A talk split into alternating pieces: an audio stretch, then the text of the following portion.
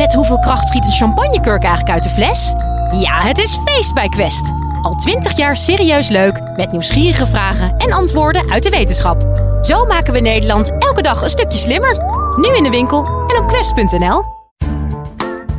Dag, hallo en welkom bij een speciale aflevering van de Universiteit van Nederland podcast. Ik ben Sophie Frankemolen en ik ben blij je mee te delen dat dit onze 400ste aflevering is. Dus ben je een trouwe luisteraar? Dankjewel. En stap je net in? Ook hartstikke leuk. En dan kun je er dus echt heel veel terugluisteren. Oké, terug naar de wetenschap. Het schijnt namelijk dat de knapste mensen in de stad wonen. Mhm. Nou, ik woon zelf toevallig ook in de stad. En volgens econoom Barbara Baarsma van de Universiteit van Amsterdam heeft de economie daar een verklaring voor. Live vanuit Club Air is dit de Universiteit van Nederland. Dames en heren, wat is economie? Als je de krant openslaat, denken veel mensen dat economie bestaat uit beurskoersen en bedrijfsnieuws. Maar economie is veel meer dan dat. Of als mensen kijken naar het Centraal Economisch Plan, dat het Centraal Planbureau op ma in maart 2013 uitbracht en waarin voorspellingen staan over de economische groei, de werkloosheid en het begrotingstekort voor 2013 en 2014. Ook dat is economie, maar economie is geen voorspelwetenschap. Nu bestaan er heel veel grappen over economen om dat duidelijk te maken. En ik ben helemaal niet goed in moppen vertellen, maar er is er één die heel makkelijk is en die ik wel kan onthouden.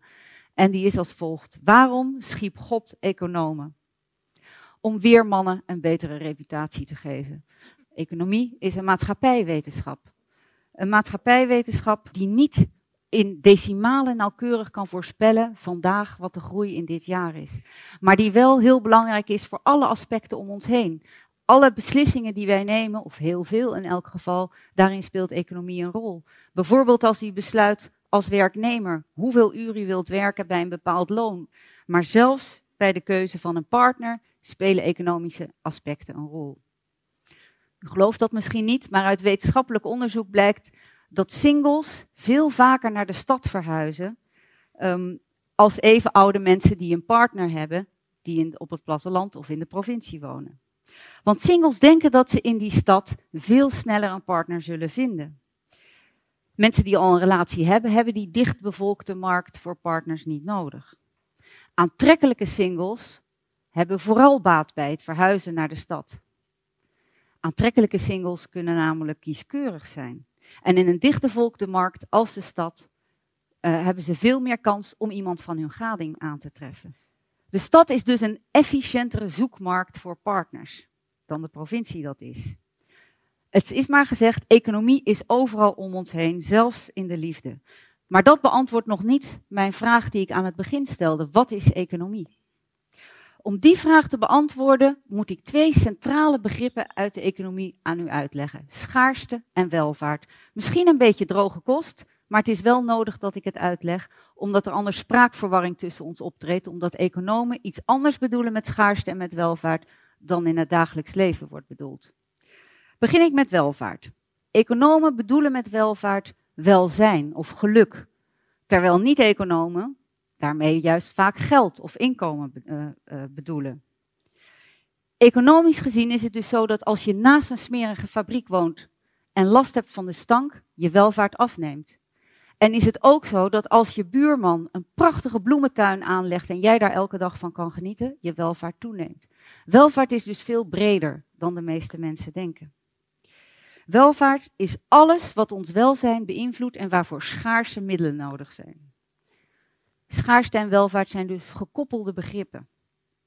En schaarste, nu ik welvaart heb uitgelegd, ga ik over naar schaarste.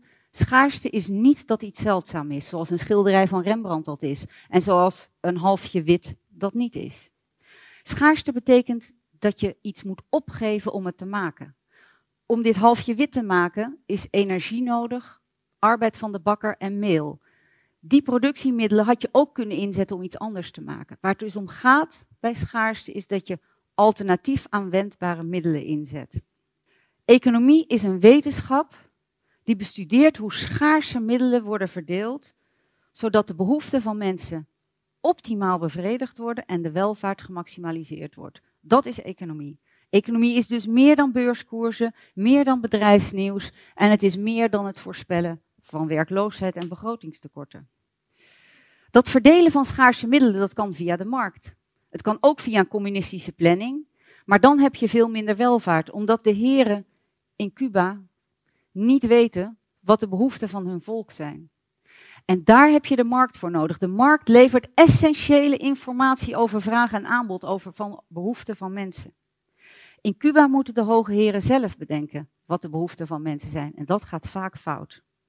Maar hoe werkt nou dat prijsmechanisme? Stel er is een bakker en die wil graag 10 euro voor een halfje wit hebben.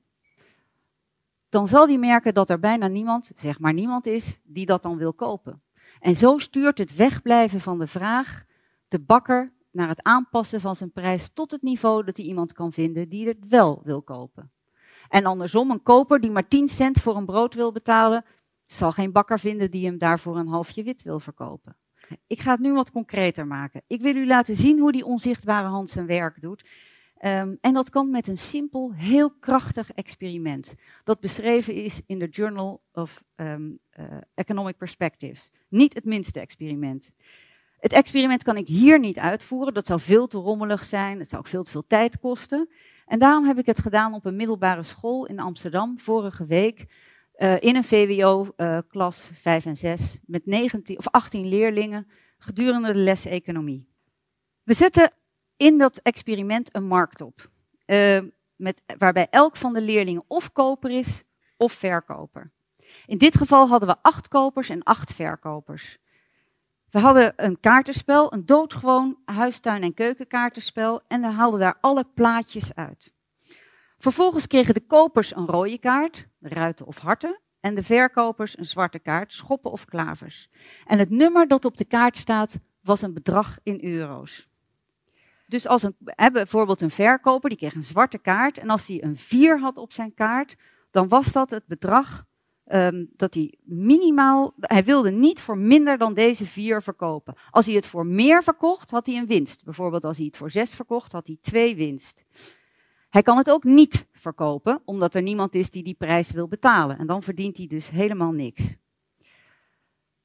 Kopers van een product kregen een rode kaart. En bijvoorbeeld met een kaart met een 7 erop betekent dat je niet meer dan 7 kan uitgeven. De koper realiseert dan een surplus als hij voor minder dan 7 een andere kaart kan kopen. Bijvoorbeeld als hij maar 5 betaalt, heeft hij een surplus van 2. Deze twee kaarten, een koper en een verkoper, het zal ergens in het midden uitkomen, tussen een 4 en een 7. Waar, dat hangt af van de onderhandelingsmacht van beide partijen. Belangrijk is nog om te weten dat als een koper en een verkoper een deal hadden, ze bij de marktmeester kwamen om te vertellen wat hun prijs was. En ik was de marktmeester en schreef het op een flip over. De prijzen konden een veelvoud van 50 cent zijn. En over drie rondes keken we wie er het meeste surplus had gemaakt. En die kreeg dat uitbetaald in eurotjes. Wat laat dit experiment zien? Ten eerste dat er al vrij snel uh, een evenwichtsprijs uitkomt. Ik, ik zal het, u moet het maar eventjes geloven, het komt ergens uit zo op de 5,5 euro. En dat gebeurde al na drie handelsronden en met maar negen kopers en maar negen verkopers.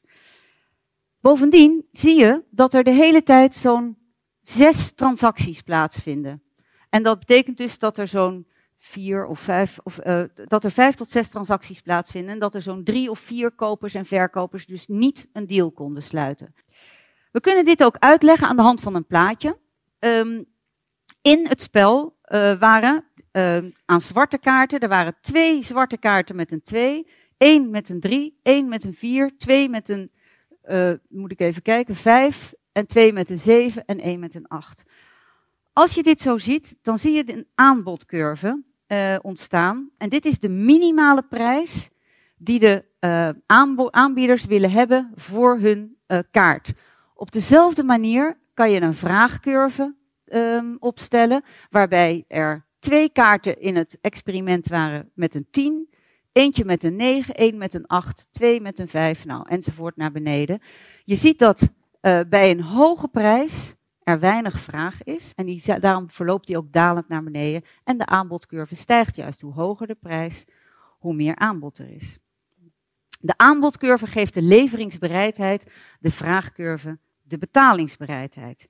En die vraag- en aanbodcurve die snijden elkaar hier. En dat zie je ook in het experiment. Het ligt zo'n beetje tussen de 5, 6, 6,5, 5,5. Um, je ziet dat, het, dat dit, dit snijpunt daar ligt waar het voor kopers en verkopers niet meer mogelijk is om een deal te sluiten die voor beide voordelig is.